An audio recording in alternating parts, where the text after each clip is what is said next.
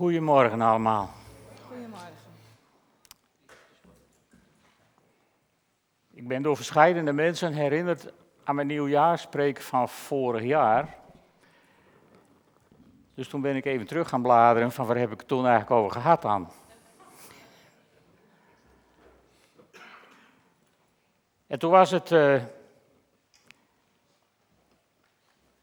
het thema, het ging over durf je zwanger te worden voor het nieuwe jaar. En toen heb ik gezegd, het was alsof God mij vroeg, ben je nog zwanger of zou je dat weer willen worden? Wil je 2023 ingaan met opnieuw de verwachting dat God er zal zijn met zijn geest? Met diezelfde vraag kunnen we natuurlijk ook 2024 binnengaan. En, en, en toen heb ik gezegd, ik wens ons samen een buitengewoon zwanger 2023. Toen hadden we niet gedacht waar de wereld nu in terecht zou zijn gekomen. En misschien is het goed om, om voor jezelf heel even terug te blikken op het afgelopen jaar. Heb je iets van zwanger zijn, van vol verwachting zijn, van wat God gaat doen? Heb je daar iets van geproefd? Heb je daar iets van beleefd?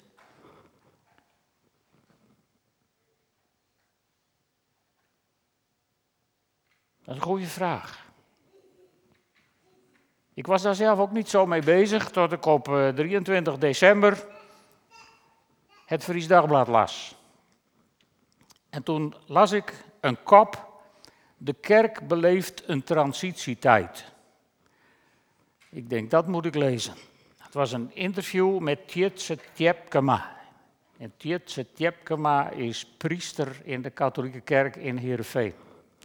En ik lees jullie daaruit een klein stukje voor. Tjepkema ziet twee opvallende dingen als hij naar het jaar 2023 kijkt. De beweging van naar God, de kerken en het leeuwenta. Dus de beweging naar God, de kerk en het geloof toe. En tegelijk ook een trend die al decennia gaande is, dat geloven voor mensen uit beeld raakt of is geraakt. Dat laatste is al veel langer zichtbaar, de zogeheten secularisatie. Dat uitte zich onder meer dit jaar in gesloten kerkgebouwen, ook in Friesland. En zorgen in zowel protestantse als katholieke kring over de toekomst. Bij dat negatieve verhaal sneeuwt de andere beweging misschien wel te veel onder, meent priester Tjepkema.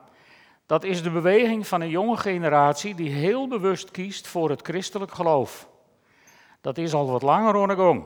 Maar dit jaar, 2023, is voor mij het jaar van de bevestiging en het verrast mij.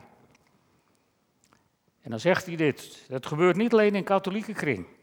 Ook bij PKN-gemeenten en evangelische kerken stappen tieners en jongeren in het doopbad of deden ze beleidenis. Met getuigenissen waar kerkgangers kippenvel van kregen. In Friesland waren er ook grote tienerevenementen van Square en Grow met bijna duizend deelnemers. En dat deed me denken aan de doopdiensten die we zelf hadden. Weten jullie nog, de tieners die we hebben gedoopt? Hebben jullie hier ook gezeten toen ze hun getuigenis mochten geven? De, sommigen zomaar even uit hun blote hoofd zonder papiertje getuigenissen waarvan je denkt: Wauw, zijn dat de tieners uit onze kerk? Ja, dat zijn de tieners uit onze kerk. Daar was je niet zwanger van op 1 januari van 2023. Maar het was er ineens wel, hè, twee keer zomaar zo'n dienst waarvan je denkt: wauw, wat gebeurt me hier? Tenminste, zo heb ik ze wel beleefd. Wat overkomt me nu? Heel bijzonder. En, en, en ik moet ook denken aan het jongeren-event op 10 december in het gebouw van de Bethel. Ik heb natuurlijk het voorrecht dat ik in met een bevriende groep predikanten elk jaar de volkskerstzang en het jongeren-event mag, mag ondersteunen en, en mag organiseren en eigenlijk het initiatief ertoe nemen. Dus daarom was ik ook bij dat tiener-event. En ik weet niet of je wel eens in de Bethel bent geweest, in die hele grote zaal tot de laatste stoel bijna vol met jongeren, inclusief wat jongere bejaarden zoals ik, maar, maar toch de meerderheid waren jongeren. Tieners en, en, en jongvolwassenen. Een prachtige groep mensen. Veel meer dan er in jaren zijn geweest. En ik heb daaromheen zitten kijken met hetzelfde gevoel. Wat gebeurt hier? Wat gebeurt hier?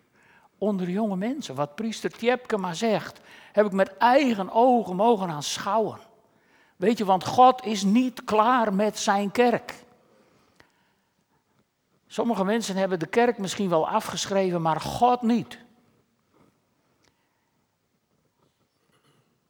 En dan komt dat mooie. Gisteren vond ik in de post, hier, dat heb ik even meegenomen naar huis, een rapportje van de gemeente Smallingenland over, over kerkgebouwen in Smallingenland. En wat daarmee moet.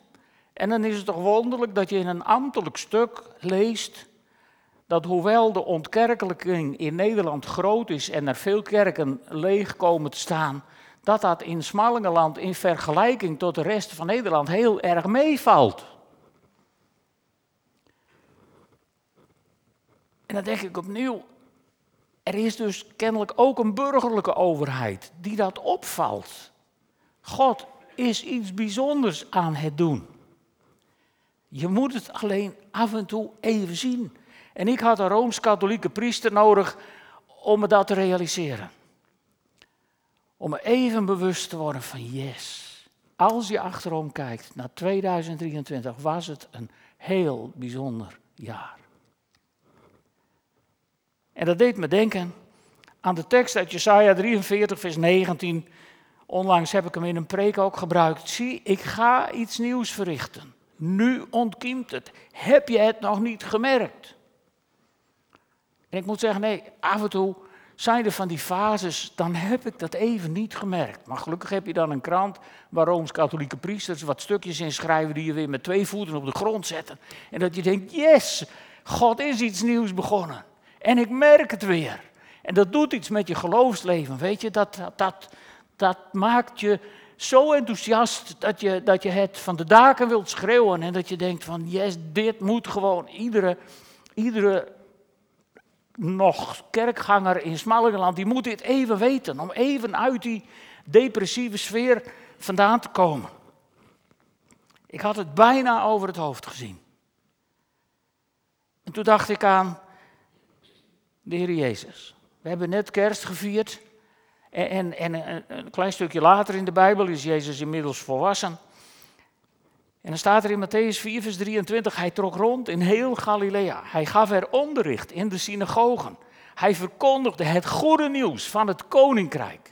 En, en, dat mogen wij ook doen, weet je. Er is goed nieuws van het koninkrijk. En, en hij genas iedere ziekte en elke kwaal onder het volk. Dus er valt nog iets om zwanger van te zijn. Hè? Er is nog meer om vol verwachting naar uit te kijken.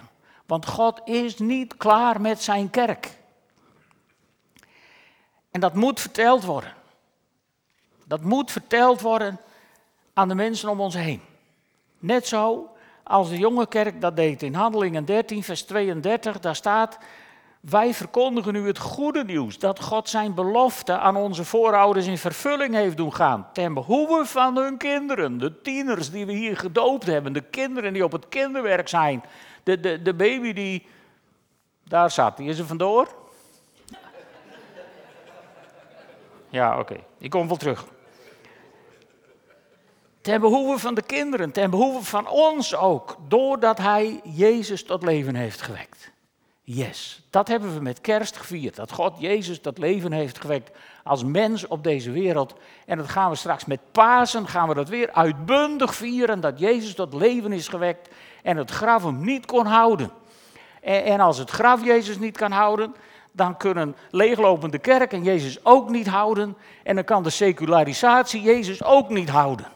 Dus we moeten ophouden te focussen op leeglopende kerken. We moeten stoppen te focussen op secularisatie. Dat is helemaal geen interessant woord. Het is interessant wat God wel aan het doen is. in deze tijd en in onze omgeving. En dan wil ik je dit zeggen, er is hoop voor de toekomst. Want de God die trouw houdt tot in eeuwigheid, laat nooit het werk, het, het, nooit los wat zijn hand is begonnen. Miljoenen keren is dat in Nederland geproclameerd. En, en, en, en, en elke keer als ik daaraan denk, dan zeg ik tegen God, moet u eens goed luisteren, dit is zoveel miljoen keer geproclameerd in Nederland. En als woorden kracht hebben, lieve God, met alle respect, maar dan kunt u daar niet omheen. Zo. Dus we hebben een nieuw jaar voor de boeg. Een heel bijzonder jaar. En als staat de wereld ook in brand, omdat mensen niet naar God luisteren, al brengen de media ons het liefst alleen maar ellende op ons bord. Er moet een groep mensen zijn die het goede nieuws verkondigt. Dat Jezus leeft en dat Jezus niet klaar is met zijn kerk en dat Jezus niet klaar is met deze planeet. God heeft deze aarde niet afgeschreven. Al hoe ver de zeespiegel ook stijgt, er komt niet een nieuwe zondvloed, want dat is ons beloofd. Dus er is hoop, want God is iets nieuws begonnen. En twee dingen wil ik even onder jullie aandacht brengen. En ik ga niet verder kijken dan de maand januari. Toen ik net in Drachten was, heb ik heel lang vanuit de Raad van Kerken de Week van Gebed mogen organiseren. Heel vermoeiend, omdat je dat bijna alleen moest doen. En, en, en, en de, de predikantengroep waar ik nu deel van uit mag maken, daar kwam ineens in januari vorig jaar de vraag: waarom doen wij eigenlijk niks met de week van gebed? En toen zei ik, nou, omdat ik dat altijd alleen moest doen en daar heb ik geen zin meer in. En toen gingen er een aantal staan. En op 21 januari begint in de grote kerk de week van gebed. Ook in Drachten, niet alleen, in de rest van Nederland. Dus vanaf 21 januari mag je een hele week lang, zeven avonden, naar een kerk in Smallingeland, de vrijdagavond hier. En, en, en dan gaan we korte viering doen.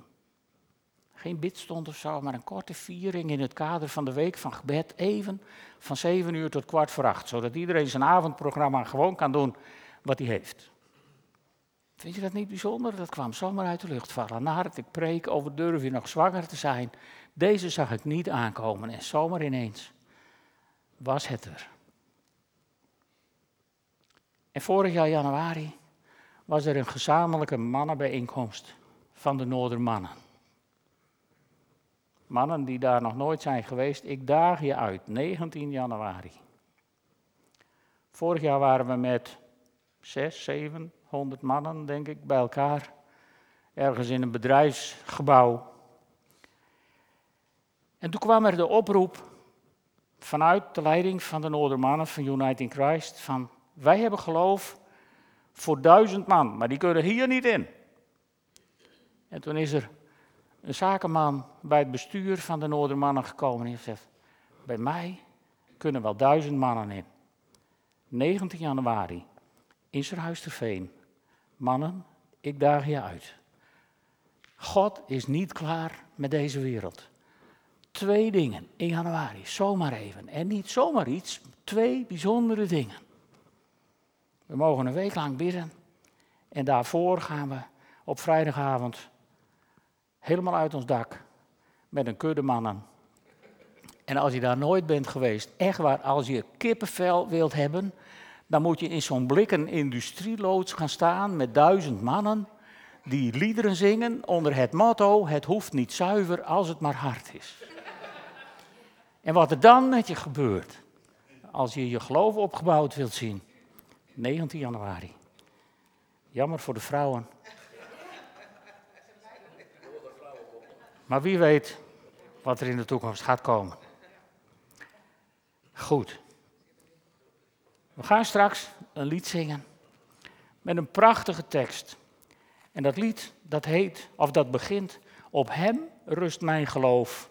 En hierin vind ik hoop dat Jezus Christus opstond uit de dood. Op hem rust mijn geloof. Mijn geloof rust niet langer op het NOS-journaal of op, op, op alle social media die alleen maar ellende over mij heen proberen te storten. Mijn geloof rust op Jezus Christus, die niet klaar is met deze wereld en ook niet met open thuis. Dus ik daag je uit om je verwachtingen op te schroeven, zo hoog je kunt. En, en, en, en dan dit jaar te beschouwen als, daar komt hij, Anno Domini 2024. Anno Domini betekent het jaar van onze God. Dus als je je dat realiseert, het jaar waar we net aan zijn begonnen, is van onze God. Ik ben niet aan een nieuw jaar begonnen, God is aan een nieuw jaar begonnen. En God geeft aan al die miljarden mensen op deze wereld een heel klein partje van dat jaar. Als een partje van de sinaasappel die er zo doorheen loopt van 1 januari tot 31 december. En Gods vraag aan jou en aan mij is: wat ga jij doen met het stukje van mijn jaar wat ik jou geef? In het bewustzijn dat het Gods jaar is en niet jouw jaar. Daar kun je niet mee doen wat je maar wilt. God vraagt aan ons: wat ga je doen met jouw partje van 2024? Mijn 2024. Zullen we gaan staan en samen bidden? Heere God, wat een enorm feestelijk gevoel dat u niet klaar bent met ons en met deze wereld. Heren, en, en daarmee wil ik niet bagatelliseren of gewoon over het hoofd zien wat er op deze aarde gebeurt. In Oekraïne, in Israël en Gaza, maar ook in Soudaan en zoveel andere zogenaamde vergeten oorlogen. Heer, ik wil ook niet voorbij gaan aan de slachtoffers van de aardbevingen in Turkije en in Marokko, die deze winter door moeten in tenten. Of al die mensen die op de vlucht zijn voor honger, Heer God. Als dat het enige is waar we ons op focussen, dan kunnen we zomaar denken dat het u uit de hand loopt. Maar ik geloof niet dat het u uit de hand loopt. Want ik weiger om me daardoor te laten ontmoedigen. Heere God, Geef ons zo dat we ons mogen vasthouden. En dat we zo meteen niet alleen met onze stembanden, maar ook met ons hele hart en met onze hele ziel mogen zingen op u rust mijn geloof. Want Heere, deze wereld is van u. En 2024 is van u. En ik bid u, laat uw Heilige Geest ons leiden, zodat wij het goede doen met het partje van deze grote sinaasappel die ons is toevertrouwd. Amen.